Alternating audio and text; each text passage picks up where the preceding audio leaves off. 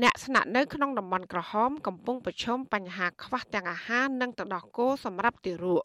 ចាស់ការត្អូញត្អែនេះគឺផ្ទុយពីការប្រកាសរបស់លោកនាយករដ្ឋមន្ត្រីហ៊ុនសែនដែលបញ្ជាអាជ្ញាធរពាក់ព័ន្ធជួយសម្របសម្រួលក្នុងការលក់ដូរនិងការចែកស្បៀងអាហារមានគ្រឿងឧបភោគបរិភោគដល់មុខផ្ទះរបស់ប្រជាពលរដ្ឋនៅក្នុងតំបន់ក្រហម កម្មការនីម្នាក់ស្នាក់នៅក្នុងបន្ទប់ជួលនៃតំបន់ក្រហមក្នុងសង្កាត់ចំចៅទី1ខណ្ឌពោធិ៍សែនជ័យលោកស្រីកើតស៊ីនឿននិងមានកូនតូចអាយុ4ខែក្នុងបន្ទុក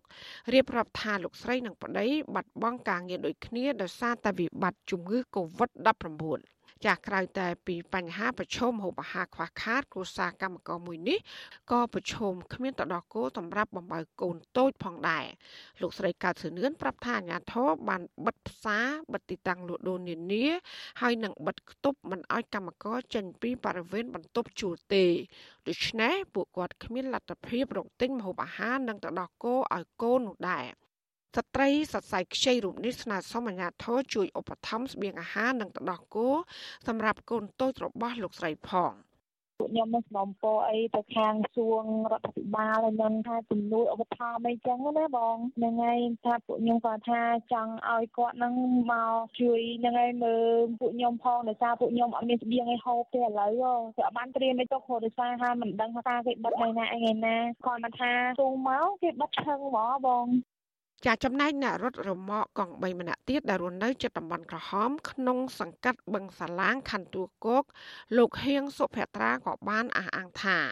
អាញាធមូលដ្ឋានមិនទាន់ចោះចែកអំណោយឲ្យអ្នកភូមិនោះទេលោកបញ្ជាក់ថាស្ថានភាពអ្នកភូមិម្នាក់ម្នាក់គឺប្រឈមបញ្ហាធ្ងន់ធ្ងរនិងគ្មានអាហារបរិភោគដោយសារតែគ្មានទាំងប្រាក់និងមិនអាចចេញទៅផ្សារបាន ចាលោកក៏សំណូមពរអាជ្ញាធរពន្លឿនការចែកច្បៀងអាហារដល់អ្នកក្រីក្រ ទាំងនៅក្នុងតំបន់ក្រហមនិងនៅក្នុងតំបន់រងការបិទគប់ផ្សេងទៀត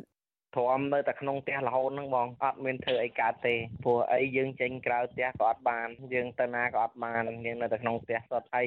ស្បៀងអង្គយើងការជំនាន់យើងនៅចេញរលុយបានហ្នឹងបានមកត្រឹមមកហូបហើយនឹងបង់លុយធនាគារទិញទួយទិញទួយទៅដល់តែពេលមកឈប់ចឹងយើងអត់មានលុយសគួរទុកសម្រាប់ខ្លួនពួកខ្ញុំលំបាកមែនតើណាបងអើយសូមជួយផ្សព្វផ្សាយដល់ដឹងលើដល់ខាងអាជ្ញាធរដែនដីខាងរដ្ឋាភិបាលឲ្យគាត់ជួយមើលពួកកំពុងនៅក្នុងផ្ទះនេះមានអីហូបទេបងឲ្យ4ថ្ងៃហ្នឹងថ្ងៃហ្នឹង4ថ្ងៃហើយបងចាប់ហើយអត់មានអីហូបទេបងអីចាញាធររាជធានីភ្នំពេញកាលពីយប់ថ្ងៃទី19ខែមេសា បានបន្ថែមបំរាមតឹងរឹងមួយទៀតសម្រាប់អ្នករស់នៅតំបន់ដែលមានឆ្លងជំងឺ Covid-19 ច្រើន គឺការដាក់ភូមិឬសង្កាត់នោះជាតំបន់ក្រហមរួមមាន នៅភូមិ14ភូមិ16និងភូមិ17ក្នុងសង្កាត់បឹងសាឡាង ចាសង្កាត់ស្ទឹងមានជ័យ1ទាំងមូល សង្កាត់ស្ទឹងមានជ័យទី2និងស្ទឹងមានជ័យទី3នៃខណ្ឌមានជ័យហើយនឹងសង្កាត់ចំចៅទី1នៃខណ្ឌពោធិ៍សែនជ័យចាប់ប្រដ្ឋគ្រប់រូបដែលកំពុងស្នាក់នៅក្នុងតំបន់ក្រហមនេះមិនអាចចេញទៅក្រៅលំនៅឋានរបស់ខ្លួនជាដាច់ខាត ក្នុងករណីដែលល្មើសនឹងបំរាមនេះអាជ្ញាធរនឹងពិន័យជាទឹកប្រាក់ចន្លោះពី1លានរៀលដល់20លានរៀលនិងផ្តន្ទាទោសឲ្យជាប់ពន្ធនាគារចន្លោះពី6ខែទៅ5ឆ្នាំប៉ុន្តែអាជ្ញាធរបានលើកលែងករណីមួយចំនួនឲ្យប្រជាពលរដ្ឋអាចធ្វើដំណើរបានដូចជាមូលហេតុសុខភាពបន្ទាន់ការផ្ដល់សំណាក់ទៅធ្វើតេស្តរោគជំងឺ Covid-19 ការទៅចាក់វ៉ាក់សាំងដូសទី2នៅទីតាំងជិតបំផុតនៅក្នុងតំបន់ក្រហម ជាមួយគ្នានេះអាជ្ញាធរក៏បានផ្អាកអាជីវកម្មទាំងអស់បិទផ្សារនិងផ្អាកសកម្មភាពនានាក្នុងតំបន់ក្រហមទាំងស្រុងលើកលែងតែការងារចាំបាច់របស់រដ្ឋនិងតម្រូវការផ្នែកសុខាភិបាលប៉ុណ្ណោះដែលត្រូវភ្ជាប់ឯកសារបញ្ជាក់ពីខាងអាជ្ញាធរមានសមត្ថកិច្ច ទោះជាយ៉ាងណារដ្ឋាភិបាលបានបញ្ជាឲ្យក្រសួងពាណិជ្ជកម្មសម្របសម្រួលឲ្យមានការផ្គត់ផ្គង់ដឹកជញ្ជូន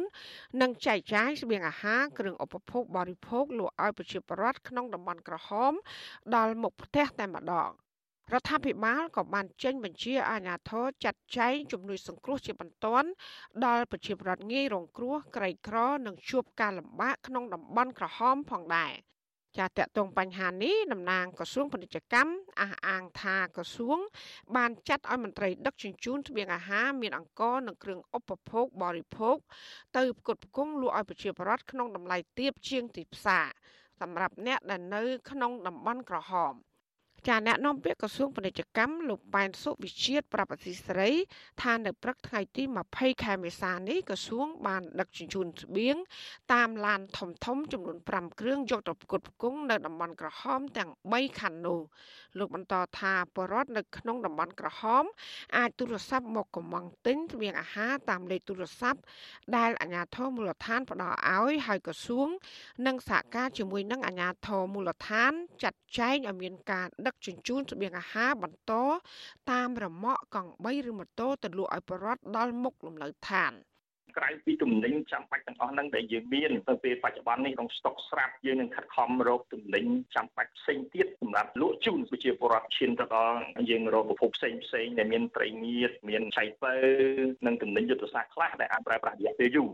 តែយ៉ាងណាអ្នកខ្លំមើលយល់ថាដំណោះស្រាយនេះនឹងមិនសូវមានប្រសិទ្ធភាពទេហើយប្រជាពលរដ្ឋនឹងនៅតែប្រឈមបញ្ហាខ្វះខាតអាហារធ្ងន់ធ្ងរជាដដែល អគ្គលេខាធិការរងនៃសមាគមឯករាជ្យនៃសេដ្ឋកិច្ចក្រៅប្រព័ន្ធ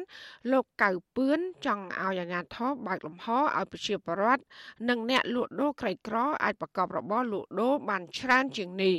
លោកយល់ថាអាញាធរគួរតែបើកឲ្យមានការលក់ដូរបានច្រើនកន្លែង តែទីតាំងដែលលក់នោះឲ្យនៅដាច់ឆ្ងាយពីគ្នា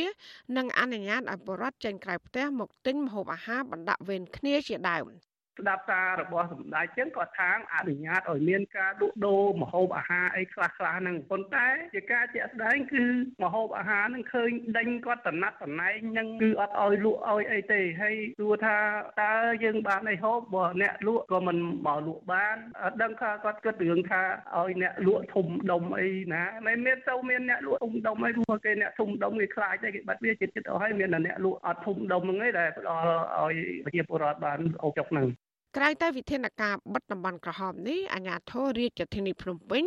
កាលពីថ្ងៃទី18ខែមេសាក៏បានចេញសេចក្តីសម្រេចផាកពិន័យ